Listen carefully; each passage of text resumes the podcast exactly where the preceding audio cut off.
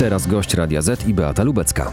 Michał Woś jest dzisiaj gościem Radia Z, wiceminister sprawiedliwości Solidarnej Polski, w przeszłości nawet radny Raci Boża, czyli jednej z historycznych stolic Górnego Śląska. Dzień dobry. Dzień dobry, pani redaktor.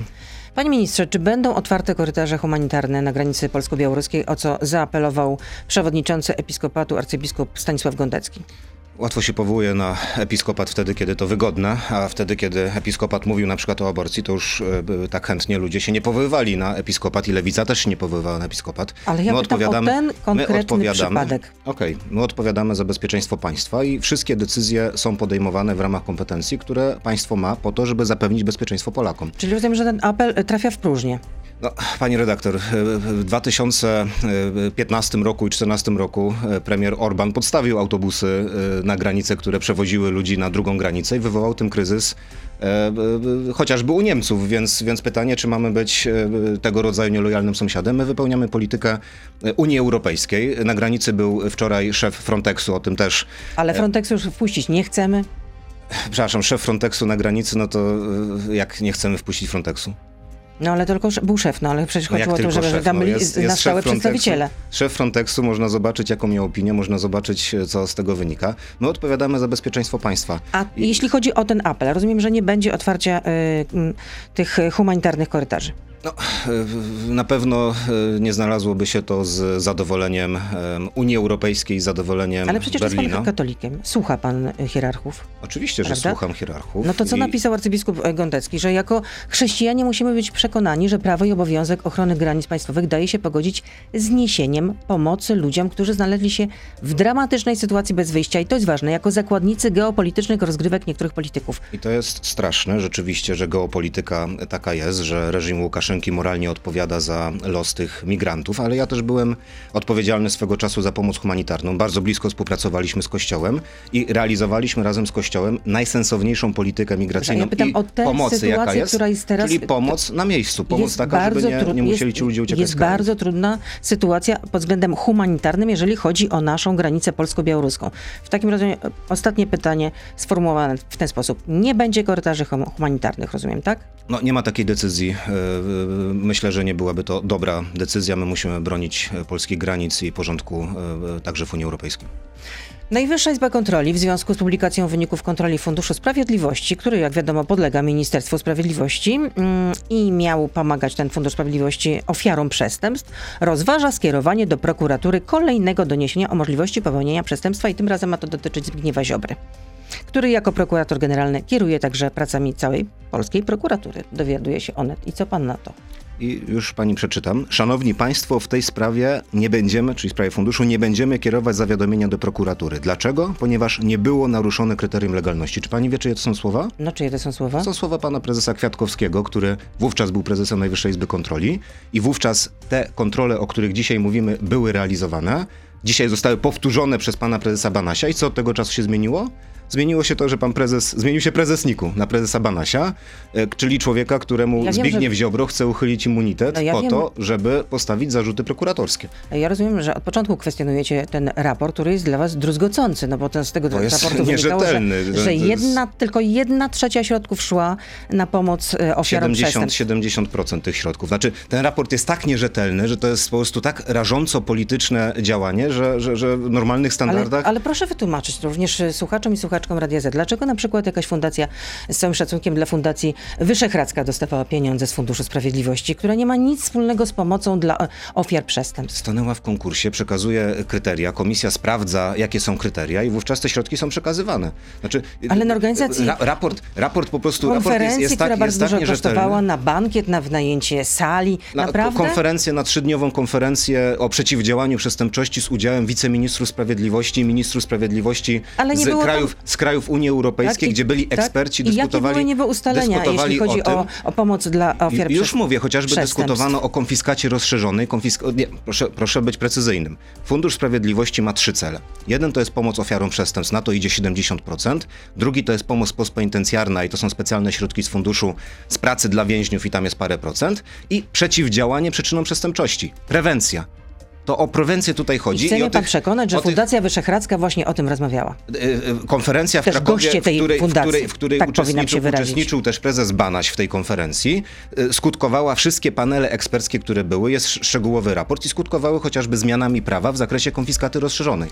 I w A- ramach konfiskaty rozszerzonej miliony złotych spłynęły do polskiego budżetu i, i, zostały zabrane przestępstwa. Rozumiem, że Właśnie jeśli dzięki takie, takim działaniom. jeśli takie zawiadomienie do prokuratury o niedopełnieniu obowiązków działania na szkodę interesu publicznego przez pana ministra Ziobrę wpłynie, to rozumiem, że prokuratura nie kiwnie palcem.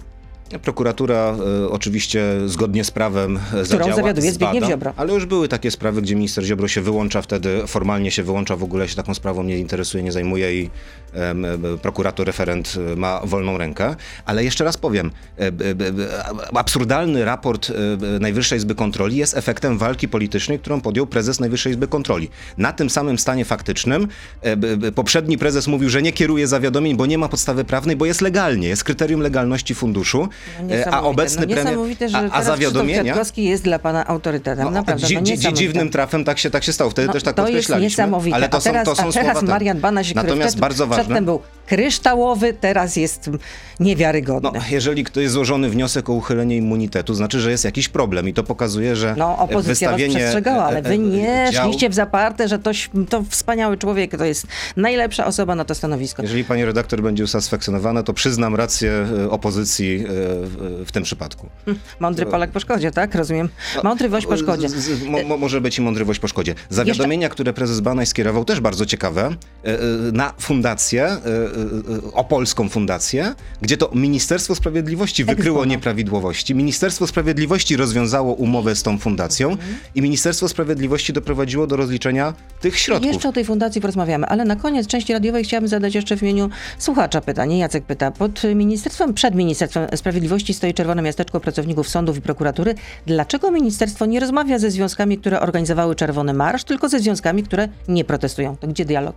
W news e, z dzisiejszej nocy podpisaliśmy porozumienie ze związkami zawodowymi reprezentującymi, e, reprezentatywnymi w sądownictwie, e, Czyli które, z- które, szły, dokładnie? które szły z Czerwonym Marszem, z Solidarnością, ze Związkiem Zawodowym Pracowników Sądownictwa zrzeszonym w Forum Związków Zawodowych, ze Związkiem zrzeszonym w OPZZ i podpisaliśmy porozumienie, a te związki też szły w Czerwonym Marszu. One nie są w namiocie, który jest pod ministerstwem, ale to, że podpisaliśmy to porozumienie jest bardzo ważne. I co z tego porozumienia Bogaty wynika? dialog właśnie ze związkami, które są reprezentatywne.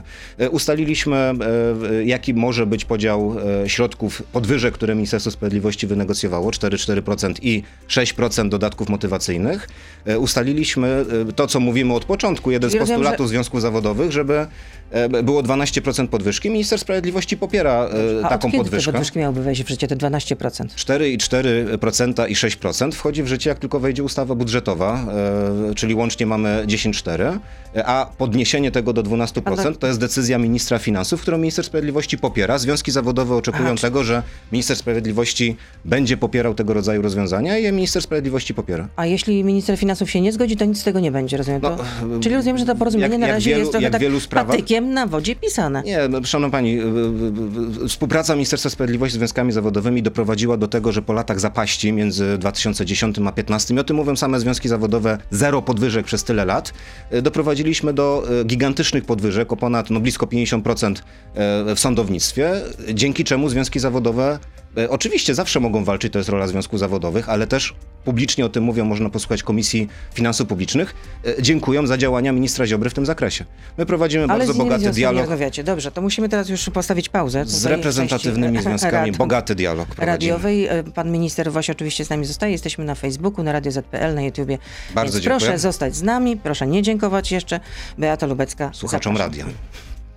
Ale słuchacze z nami też zostają, no przecież internauci to również słuchacze, tak, tak, prawda? tak, pewnie. Wracając do tego raportu, co do którego pan e, kwestionuje jego rzetelność, jeśli chodzi o raport e, Najwyższej Izby Kontroli. Na przykład, są tam takie też e, przykłady, na przykład. Fundacja Mamy i Taty otrzymała 1,5 miliona na promowanie instytucji małżeństwa. Spot przygotowany przez fundację kosztował 900 tysięcy złotych. No i co to ma wspólnego z pomocą dla osób poszkodowanych, dla osób, dla ofiar przestępstw? To ma wspólnego z trzecim celem funduszu, ustawowym, cytowałem prezesa Kwiatkowskiego, słyszała pani redaktor, e, czyli z prewencją, z przeciwdziałaniem przestępczości. Wszystkie statystyki Ale pokazują... tam nie ma ani słowa, na, weszłam na stronę tej fundacji, tam nie ma ani słowa w celach statutowych, że chodzi o to, żeby przeciwdziałać przemocy w rodzinie. Ale Sytuacja działa, jak, jak, działa Fundusz Sprawiedliwości? Ogłasza się konkurs, do konkursu otwartego mogą stanąć wszystkie NGOsy, które e, e, spełniają kryteria, gdzie przedstawia się doświadczenie e, osób, które zajmują się projektem. Potem e, eksperci oceniają w ramach komisji konkursowej te projekty i przyznają granty. I to jest standardowy grant, który był rozliczony, e, który był z działki prewencyjnej, z przeciwdziałania przyczynom przestępczości, bo to nie jest jeszcze tym bardziej przeciwdziałanie przyczynom przestępczości. Ministerstwo Sprawiedliwości zamówiło zresztą opracowanie, e, które e, wskazuje na to, że wśród przyczyn przestępczości jest chociażby e, rozpad rodziny albo słaba rodzina. To jest jedna z przyczyn, pr- proszę nie otwierać oczu, bo to jest bardzo poważny problem, przemocy domowej. To znaczy, jeżeli są złe relacje, jeżeli dochodzi właśnie cała rodzina ma słabe więzi, no to, to jest główna przyczyna e, przemocy domowej chociażby, e, której absolutnie trzeba zapobiegać i po to między innymi ten fundusz powstał. Dobrze, Sie- weszłam na 70%, e, znaczy jaka jest aberracja tego raportu? Znaczy jeżeli się kwestionuje wydatki na e, strażaków ochotników, na szpitale, na tych, którzy niosą pomoc pokrzywdzonym przestępstwem, zdecydowana większość wypadków to jest forma przestępstwa i to też wynika po prostu ze statystyk. E, e, Mamy statystyki, dostałem najświeższe, najnowsze z pierwszego kwartału, gdzie e, w blisko 100 przypadkach e, e, z zdarzeniami śmiertelnymi na drodze brały udział jednostki OSP, które korzystały ze wsparcia Funduszu Sprawiedliwości. Znaczy, jeżeli ktoś kwestionuje, że to jest wydatek, albo mówi, A że to wydatek niecelowy, nierzetelny, to naprawdę. Chodzi, a jeśli chodzi o te fundacje, weszłam na stronie, tam na przykład cytują pańskie wypowiedzi z Polskiego Radia 24.pl na temat y, m, nałożenia kary na Polskę w sprawie Turowa. No co to ma wspólnego w ogóle z przeciwdziałaniem przemocy? Ja nie byłem na stronie tej fundacji. No, jestem, no. jestem zaskoczony, że mnie cytują, ale widocznie e, e, e, dotknęły ich tak te e, słuszne i prawdziwe słowa. No, A wracając do tej fundacji, o której pan wspomniał, jeśli chodzi o ex-bono z Opola, mm, kierowanej przez y, konkretną osobę, ale prywatnie jest to krewny Małgorzaty Wilkos, która jest radną miejskiej Solidarnej Polski w Opolu właśnie, no i była też y, wieloletnią dyrektorką biura posła Patryka Jakiego. I odpowiedzialną za, y, za otworzenie struktur Solidarnej Polski. Według doniesień mediów w Radzie zasiadają osoby związane z Solidarną Polską.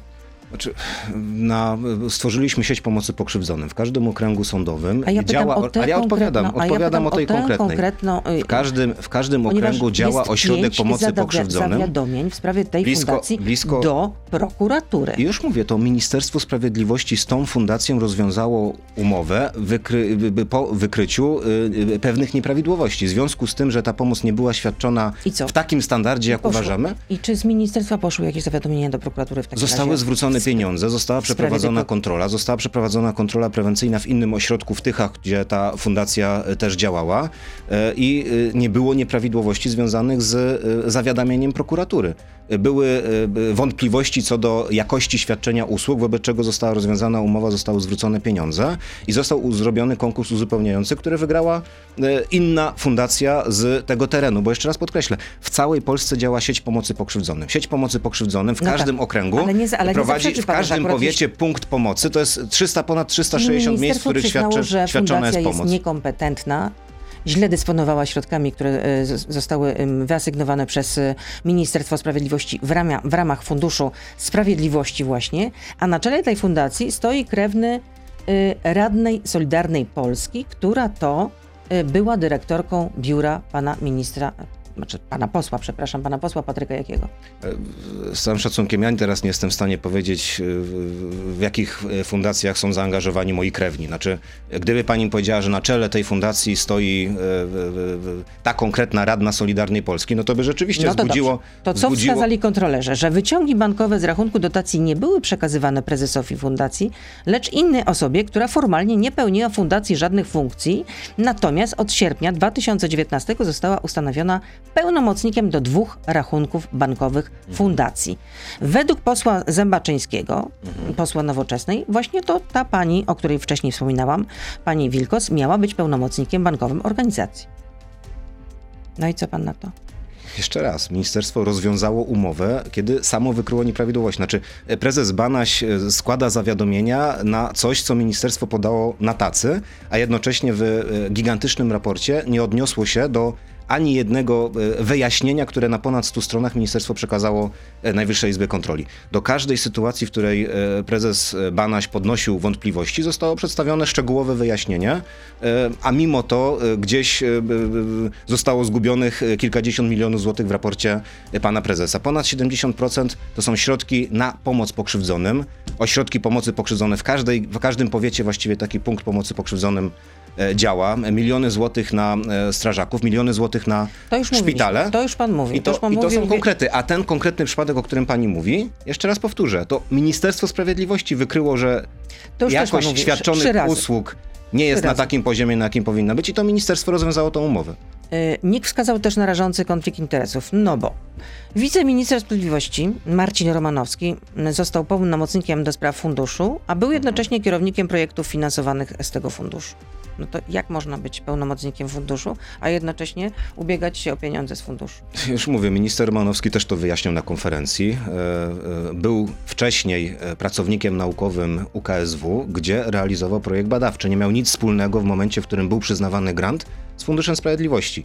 Kiedy został pełnomocnikiem do spraw funduszu, kiedy przeszedł do Ministerstwa Sprawiedliwości, z jednego z projektów tego samego dnia zrezygnował z kierowania, a do drugiego projektu dosłownie w ciągu kilku dni e, szukał e, e, innego kierownika, który by się tym projektem zajmował, właśnie dlatego, żeby nie być jednocześnie w roli nadzorcy i realizatora projektów. To jest oczywiste. I, i, I Najwyższa Izba Kontroli nie wspomniała o tym, że to my, wychodząc poza obowiązki ustawowe, bo takiego obowiązku ustawowego nie mamy, zakazaliśmy, i to jest zabezpieczone i umownie, i w ogłoszeniach o konkursie, zakazaliśmy udziału jakimkolwiek pracownikom Ministerstwa Sprawiedliwości, ludziom związanym z Ministerstwem Sprawiedliwości, rodzinom nawet wyszliśmy szerzej, czyli rodzinom Ministerstwa Sprawiedliwości. To jest standard, który chcemy zachowywać. A minister Romanowski, no ten przykład y, y, sama pani widzi, no tego, to, to przykład rzetelności właśnie raportu Najwyższej Izby Kontroli. Tego samego dnia zrezygnował, kiedy został powołany na pełnomocnika do spraw funduszu, zrezygnował z kierowania z y, jednego z tych projektów. Z, z, zdaje się, że z UKSW. To nie wiem, czy pan czytał. Jest publikacja Onetu yy, zatytułowana Jak ludzie Zbigniewa Ziobry przejęli władzę w lasach państwowych. Czytałem z tek- z Stanowiska naprawdę od dyrektora generalnego poleśniczych. Dziś legitymację Solidarnej Polski ma nie tylko wielu dyrektorów, ale także wielu nadleśniczych i leśniczych. Znaczy, jeżeli robi się zarzut wobec Józefa Kubicy, e, e, leśnika z 40-letnim stażem, bardzo doświadczonego inspektora nadzoru, człowieka, który zna las od podszewki, że e, jest zaangażowany w e, taką czy inną działalność, no to, no to, no to z całym szacunkiem no, e, nie ma ustawowego zakazu dla pracowników lasów angażowania się w życie publiczne.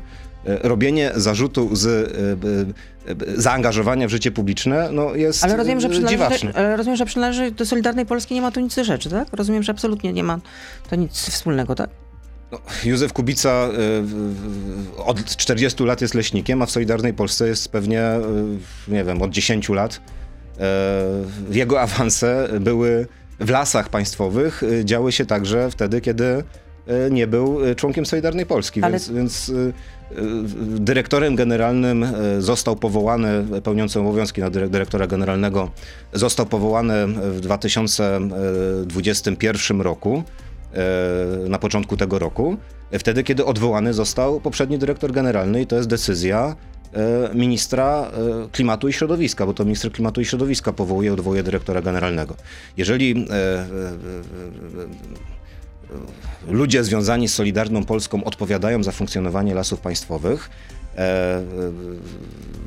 biorą na siebie odpowiedzialność za to, jak to wygląda, to też e, mogą zaproponować akurat na stanowisko dyrektora generalnego e, bardzo kompetentne osoby, które e, będą w stanie Ale potwierdza pan, gwarantowały. rozumiem, że ludzie Solidarnej Polski, można powiedzieć tak kolokwialnie, obsiedli lasy Nie, państwowe. absolutnie. To jest jakaś e, teza wyssana z palca. Część osób, leśników jest zaangażowanych w działalność publiczną, między innymi dyrektor generalny Lasów Państwowych, e, ale e, nie ma żadnego, nie wiem, nakazu albo prikazu, albo e, przy awansach w Lasach Państwowych przecież dyrektor generalny nie patrzy na to, czy ktoś jest członkiem Solidarnej Polski, czy nie, Ale czy jest członkiem Prawa i Sprawiedliwości, czy jest członkiem SLD, czy jest członkiem PSL-u.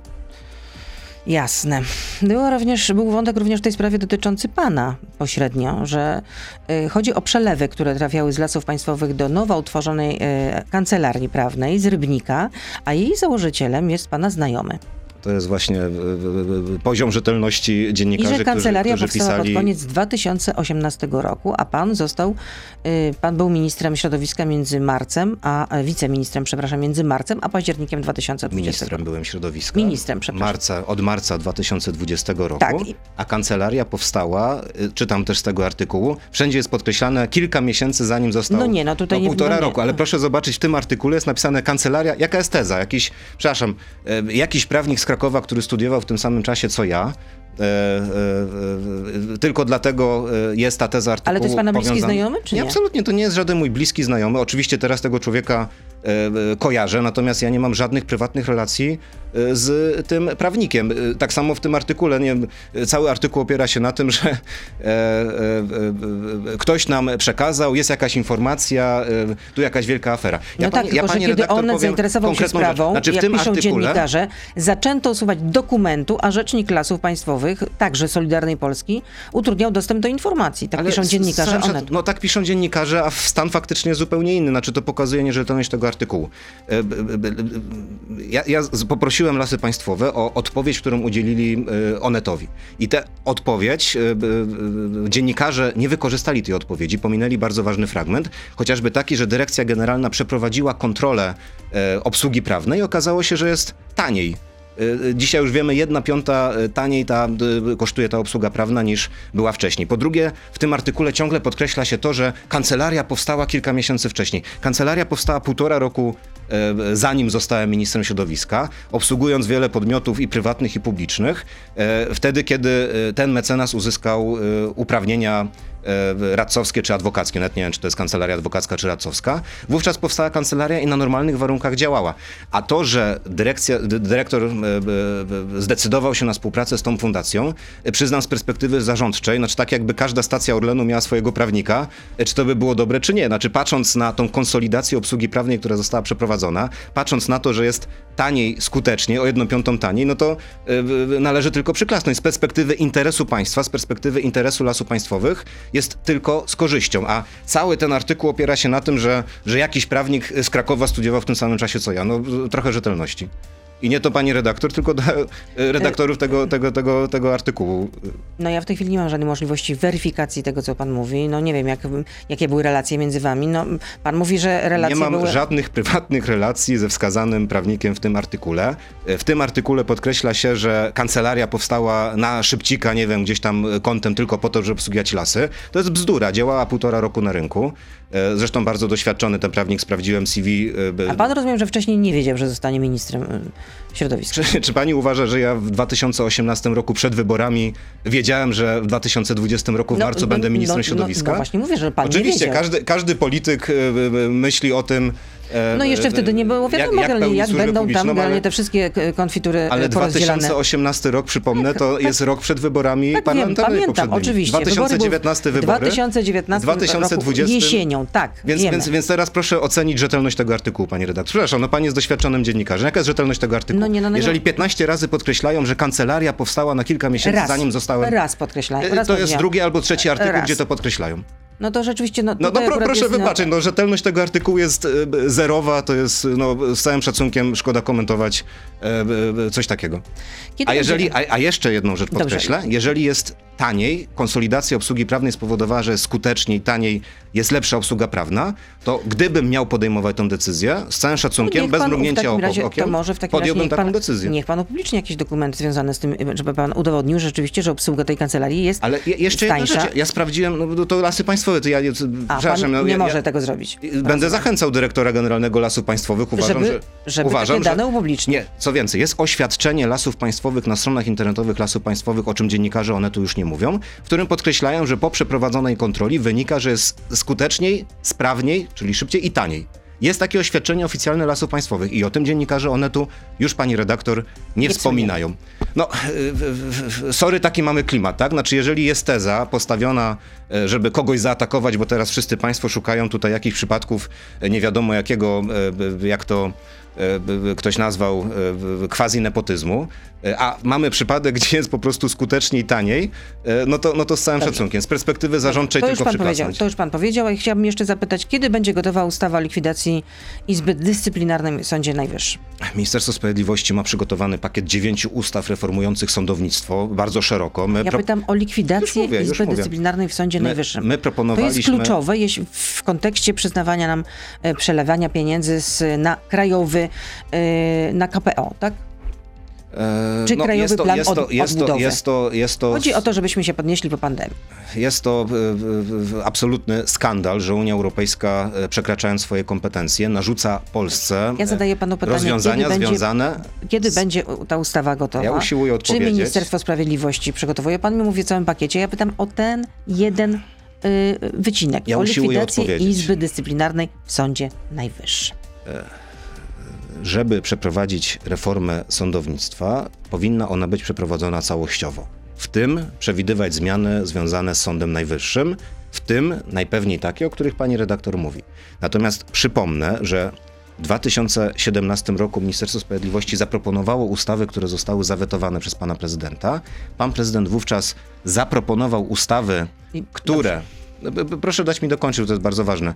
E, e, Które były negocjowane z Unią Europejską, które były szlifowane, nowelizowane pod wpływem jakichś tam rozmów z Unią Europejską. I co się okazało, jest wściekły atak Unii Europejskiej na te częściowe ustawy. I dlatego my uważamy, jako Solidarna Polska, jako Ministerstwo Sprawiedliwości, że nie powinniśmy robić żadnych częściowych ustaw, częściowych zmian, które później są wściekle atakowane, tylko powinniśmy zrobić całościową reformę. Ta całościowa reforma leży na stole od 2017 roku i mam nadzieję, że tej jesieni w e, tych, będzie w, zielone w tych światło. dziewię- w tym pakiecie dziewięciu ustaw jest również taka, która e, z, przewiduje likwidację Izby Dyscyplinarnej Sądu Najwyższego. W pakiecie dziewięciu ustaw są szerokie zmiany związane i z sądownictwem powszechnym, i z Sądem Najwyższym. No, Ale pytam konkretnie, czy jest tam również przewidziana likwidacja Izby Dyscyplinarnej? Nie wiem, czy pan Są- czytał, są pewnie pan czytał. zmiany Widzę, że pan jest na bieżąco redaktor. poinformowany, więc wczoraj Rzeczpospolita pisała, może ma nieoficjalne informacje, że Mhm. na przełomie roku Polska dostanie e, część zaliczki, znaczy dostanie zaliczkę w wysokości tam prawie no ponad 4 miliardów euro, ale warunek jest taki, że rząd musi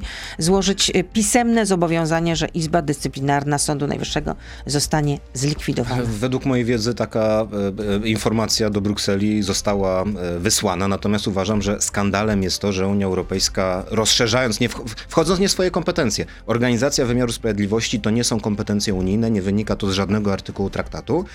A niestety, e, rozszerzając swoje kompetencje, e, próbuje szantażem, realnym szantażem, e, pod, pod, groźbą zabierania Polsce środków, wymuszać decyzje polityczne. Znaczy to jest skandal i, i, i w prawie międzynarodowym taki szantaż powodowałby, że Rozumiem, ktoś że byłby... likwidacji Izby Dyscyplinarnej nie będzie w Sądzie Najwyższym. Będą, jeżeli będzie zielone światło wszystkich koalicjantów, a rozmowy cały czas trwają. E, e, Przy czym najważniejsza zgoda, czyli e, Prawa i Sprawiedliwości, e, można powiedzieć, że już jest. e, Wówczas ruszamy z realizacją tego, co planowaliśmy od 2017 roku. Planowaliśmy wcześniej, od 2017 mamy ustawy gotowe w szufladach. I, iz, a Izba Dyscyplinarna zniknie? Będą zmiany w Sądzie Najwyższym. No, no, no, no, No, ale no, pa, pa, pani ale- chce ale- moją setkę tutaj, że powiem tak, będzie zlikwidowana, nie, nie będzie zlikwidowana. I nie udzielę takiej setki, pani redaktor. Mówię, co mówię, będą zmiany w Sądzie Najwyższym. Jak szerokie, to A zależy, a- a na to zależy będą- od rozmów, to zależy od rozmów y, koalicyjnych. A na czym miałyby ulegać te zmiany w takim razie? Kiedy Pokrótce. skończą się rozmowy, pani redaktor, no przecież y, y, y, jeżeli informuję naszych słuchaczy życzliwie, z pełną otwartością, że te zmiany będą, ale ich kształt zależy od rozmów, które prowadzimy, to przecież byłoby niepoważnym potraktowaniem naszych słuchaczy, gdybym ja teraz gdybał, y, czy będzie y, scenariusz A, czy będzie scenariusz B, czy będzie scenariusz C.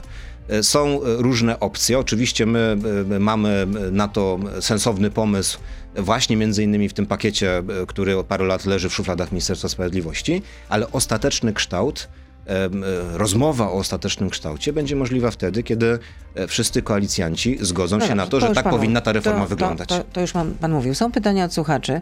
Adam pyta, czy funkcjonariusze służby więziennej otrzymają podwyżki wynagrodzeń e, w 2022 roku? E, Tak, będą tak samo traktowani jak wszystkie służby podległe e, MSWiA. To minister sprawiedliwości Zbigniew Ziobro takie zapewnienie na e, Radzie Ministrów e, uzyskał i e, e, no, nie wyobrażam sobie, że miało być inaczej. Michał pyta, dlaczego wo- wozy strażackie z Funduszu Sprawiedliwości nie są kupowane dla gmin, które najbardziej ich potrzebują, tylko dla gmin, gdzie w wyborach startują politycy Solidarnej Polski? Bzdura absolutna. Na 140 wozów i blisko 150 milionów, które na to poszło, ponad 80% e, miejsc jest e, przyznanych, granty poszły dla gmin, gdzie zarządzają lokalne komitety albo PSL. E, I, i, I e, w żadnym e, z tych przypadków nie było jakiegoś ograniczenia. Czy to rozumiem, program że żaden wóz powszechny? strażacki nie trafił do gminy, gdzie skąd startują politycy Solidarnej Polski, tak? Panie redaktor, 80%, e, jeszcze raz powtórzę, 80% Ale ja pytam, dotacji czy- Mhm. dla gmin jest, e, e, e, są rządzone, są one rządzone przez lokalne komitety albo PSL. Oczywiście, że do, do, czy, czy, Ale czy wozy czy jest zakaz, jest zakaz tego, trafiły do, do gmin, skąd startują policy, politycy, przepraszam, Solidarnej ale Polski? politycy Solidarnej Polski, panie redaktor, startują w całej Polsce. My mieliśmy tak, kandydatów z każdego się, okręgu wyborczego. się. Czyli tak, czyli również do takich gmin. y, Ale to tak samo, tak samo na, na tej samej zasadzie, jak, trafiły. jak b, tam, gdzie startują politycy e, wiosny albo partii razem, którzy też wystawiają swoje listy w całej Polsce. No Czy- jakby e, jeszcze raz, no teza Mariana Banasia, teza Najwyższej Izby Kontroli, e, absolutnie nierzetelny, niechlujny, e, upolityczniony raport, to jest wyłącznie obrona przed, próba obrony jakiejś wojenki, e, przed odebraniem panu Banasiowi immunitetu e, w parlamencie. Fundusz Sprawiedliwości to chyba jest najbardziej kontrolowana instytucja w Polsce i wszystkie procedury są jawne, e, a różne tezy, no to potem ludzie powtarzają właśnie tego rodzaju tezy, jak, jak e, internauta, który pytał. Ja szanuję, bo pan mógł być niedoinformowany, e, pan Michał zdaje się, czy kto tam pytał, e, albo zmanipulowany właśnie przez NIK i przez Banasia. I to pokazuje, jak bardzo nierzetelny jest To ten już raport. mówił pan wiele razy. No, ale no, tak, myślę, że dotarło, może- naprawdę może- dotarło. dotrze, tak, już to- nie trzeba bardziej drukowanymi, tak mi się wydaje, że to już wystarczy. Mm, Michał pyta, jakie podjął pan działania, które miały na celu e, rozwiązanie problemu bądź zapobieganie takiej eskalacji sprawy w, Turonie, jako, w Turowie, jaką mamy teraz, gdy pełnił pan funkcję ministra środowiska? Koncesja, sporna koncesja. No Jak wiadomo, negocjacje zostały zerwane. Polska strona mówi, że dopóty, póki mm, Czesi nie zmienią zdania, to po prostu nie będzie powrotu do, do stołu negocjacyjnego. No, po czeskiej stronie muszą opaść emocje i gorączka wyborcza, która tam trwa. Tracą na tym najbardziej mieszkańcy Czyli kraju powrót do stołu ne- do negocjacji to raczej ewentualnie nastąpi po tym, jak już się rozstrzygnie, e, rozstrzygną się wybory w, w Czechach, Nie, tak? My złożyliśmy bardzo dobrą ofertę. Jest ona cały czas na stole. Czesi mogą do niej wrócić, natomiast no, na ten moment nie ma sensu kontynuować e, A tych to rozmów, do jeżeli pana, co pan następuje... zrobił w tej sprawie Już mówię. jako minister środowiska? sporna koncesja została wydana zanim zostałem ministrem środowiska i została wydana w marcu 2020 roku. E, Ja byłem powołany na początku marca, koncesja była wydana w połowie marca, ale celowo rozporządzenie atrybucyjne tak zwane było przedłużane właśnie między innymi po to, żeby minister Kurtyka mógł tą koncesję wydać i sprawę Turowa zakończyć. E, Później e, sprawy związane z prowadzeniem polityki europejskiej to jest pełna odpowiedzialność pana ministra Szymańskiego, który e, sprawy na poziomie europejskim koordynuje. Natomiast ja, będąc ministrem środowiska, między innymi przyspieszyłem pracę nad wydaniem koncesji 25-letniej na decyzję środowiskową e, z tym związaną, dzięki czemu przedmiot sporu, czyli koncesja 6-letnia wyszła już z obrotu prawnego, e, a funkcjonuje koncesja pełna 25-letnia. I teraz większość ludzi nie wie, to dwa zdania, jesteśmy w części internetowej, więc myślę, że ta e, 30 sekund pani redaktor im poświęci. Większość ludzi nie wie, że spór, który toczy się e, w sprawie Turowa, dotyczy właśnie 6-letniej koncesji, czyli przedłużenia koncesji, która obowiązywała, która była wydana już po ocenie środowiskowej. A to, co teraz jest na stole, czyli to, co teraz obowiązuje i to, na podstawie czego Turów działa, kopalnia w Turowie, elektrownia, to jest koncesja 25-letnia, do której nie można mieć żadnych zarzutów, e, która była przygotowywana w czasach, kiedy ja byłem ministrem środowiska. E, I biorąc to pod uwagę, jakby całe roszczenia e, strony czeskiej są absurdalne, tak samo jak absurdalne jest orzeczenie Trybunału Sprawiedliwości Unii Europejskiej, które w postępowaniu zabezpieczającym de facto przesądza, to się fachowo nazywa, o przedmiocie sporu, likwidując kopalnię. No to czegoś takiego jeszcze w historii Unii nie było. Wojciech w jakim celu rozszerzono zakres zadań finansowanych z Funduszu Sprawiedliwości? Przeciwdziałanie przestępczości to jest e, e, trzeci cel funduszu, działania prewencyjne. Wszystkie raporty mówią o tym, że stare przysłowie, lepiej zapobiegać niż leczyć. E, I co do tego nie ma sporu, to potwierdzają wszyscy kryminolodzy, wszyscy, którzy zajmują się przestępczością, że działania związane z prewencją są skuteczniejsze niż ściganie przestępstw. I nie dlatego... uważa pan, że 100% tych środków powinno trafiać do ofiar przestępstw, a nie tylko jedna trzecia? Nie jedna trzecia, 70% trafia do osób pokrzywdzonych na działania pośrednie i bezpośrednie. Jeżeli ktoś kwestionuje, jeszcze raz powtórzę, ratowanie życia przez strażaków ochotników, to mogę odczytać tutaj listę tylko z ostatnich trzech miesięcy. Ponad 100 przypadków, gdzie wyciągali martwych ludzi z samochodów, między innymi używając tego sprzętu. Znaczy, y, powtarzanie y, y, politycznych, fałszywych, absurdalnych tez raportu Nikowskiego no, jest przykre, że to się tak rozlało, kiedy no, można powiedzieć właśnie w ten sposób Najwyższa Izba Kontroli pluje na e, ofiary przestępstw. 70% trafia na ofiary przestępstw, e, kilkanaście procent z tego na prewencję, działania prewencyjne e, i e, e, na pomoc postpenitencjarną dodatkowych parę e, procent. I, I pod tym względem właśnie fundusz działa tak, jak powinien. To jest dobro, które e, jest świadczone ludziom, a działania prewencyjne, zapobieganie przestępstwom, no poza sporem, no, coś takiego powinno być na jeszcze szerszą skalę, moim To zdaniem. jeszcze jest pytanie ode mnie, że w rządzie będą teraz bielaniści. I co pana, to będą lepsi niż y, gowinowcy? Widziałem, e, widziałem te e, informacje medialne, e, kiedy Kamil będą... Bortniczuk miałby być kiedy ministrem będą- sportu, że znowu Ministerstwo Sportu będzie oddzielne, a nie połączone z Ministerstwem Kultury. I teraz ministrem sportu również jest pan y, wicepremier Gliński. Kamil jest bardzo sprawnym posłem, bardzo e, dobrym człowiekiem. Jeśli w jego rękach byłby polski sport, to myślę, że e, nie byłoby e, najgorzej. Zresztą tak samo jak wśród polityków Solidarnej Polski jest Dariusz Olszewski, e, e, człowiek, który świetnie, świetnie, zna się, świetnie zna się na sporcie. Jest No, Mariusz to Kałużny, który, autopro- który był też... autopromocja. No, no, może być i autopromocja. No, jeżeli są sprawni ludzie, to należy ich pokazywać i, i chwalić ale dobre czy, przykłady. czy to lepiej, że y, Ja będę komentował zmiany, zmiany w rządzie, znaczy bielaniści, ociepiści, tak, to tam jeszcze, no, No, już takie określenie też słyszałem. partii republikańskiej. E, Znaczy to, to, to bielaniści przedstawicielem partii republikańskiej. No, bielaniści, Zresztą w rządzie, tak. w rządzie już są obecni, bo przecież jest w, Ministerstwie Funduszy i Rozwoju, zdaje się, że tak to ministerstwo cały czas się nazywa po tych zmianach związanych z e, Gowinem. Już jest przedstawiciel partii e, republikańskiej, też bardzo e, sprawny człowiek z bardzo dobrymi opiniami z Gdańska i sobie radzi. Znaczy zmiany w rządzie oczywiście, no, one są do komentowania wtedy, kiedy nastąpią. Na razie mówienie, kto będzie gdzie Ciągle nie ministrem. następują. To miała być e, reko- No. tak zwana rekonstrukcja, miała być e, Już- czy też zmiany, miała być na przełomie e, września i października. No, mamy początek października, na razie nic się nie dzieje. To już no, taki- ale to ciekawe, że uzus, najpierw taki łączy się teraz minister, najpierw się łączy Ministerstwo Kultury ze sportem, potem się rozdziela. No naprawdę.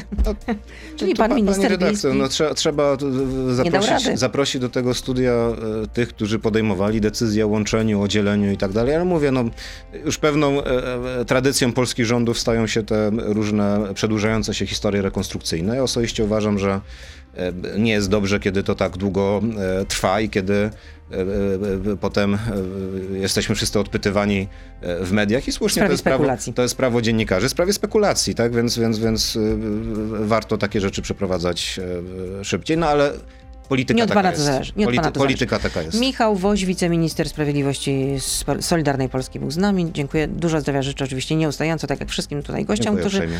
odwiedzają Radio Z, y, przyjmują nasze zaproszenie i dobrego dnia. Dobrego dnia, pani redaktor, państwu. Bardzo dziękuję. To był gość Radia Z. Słuchaj codziennie w Radio Z i na player radioz.pl.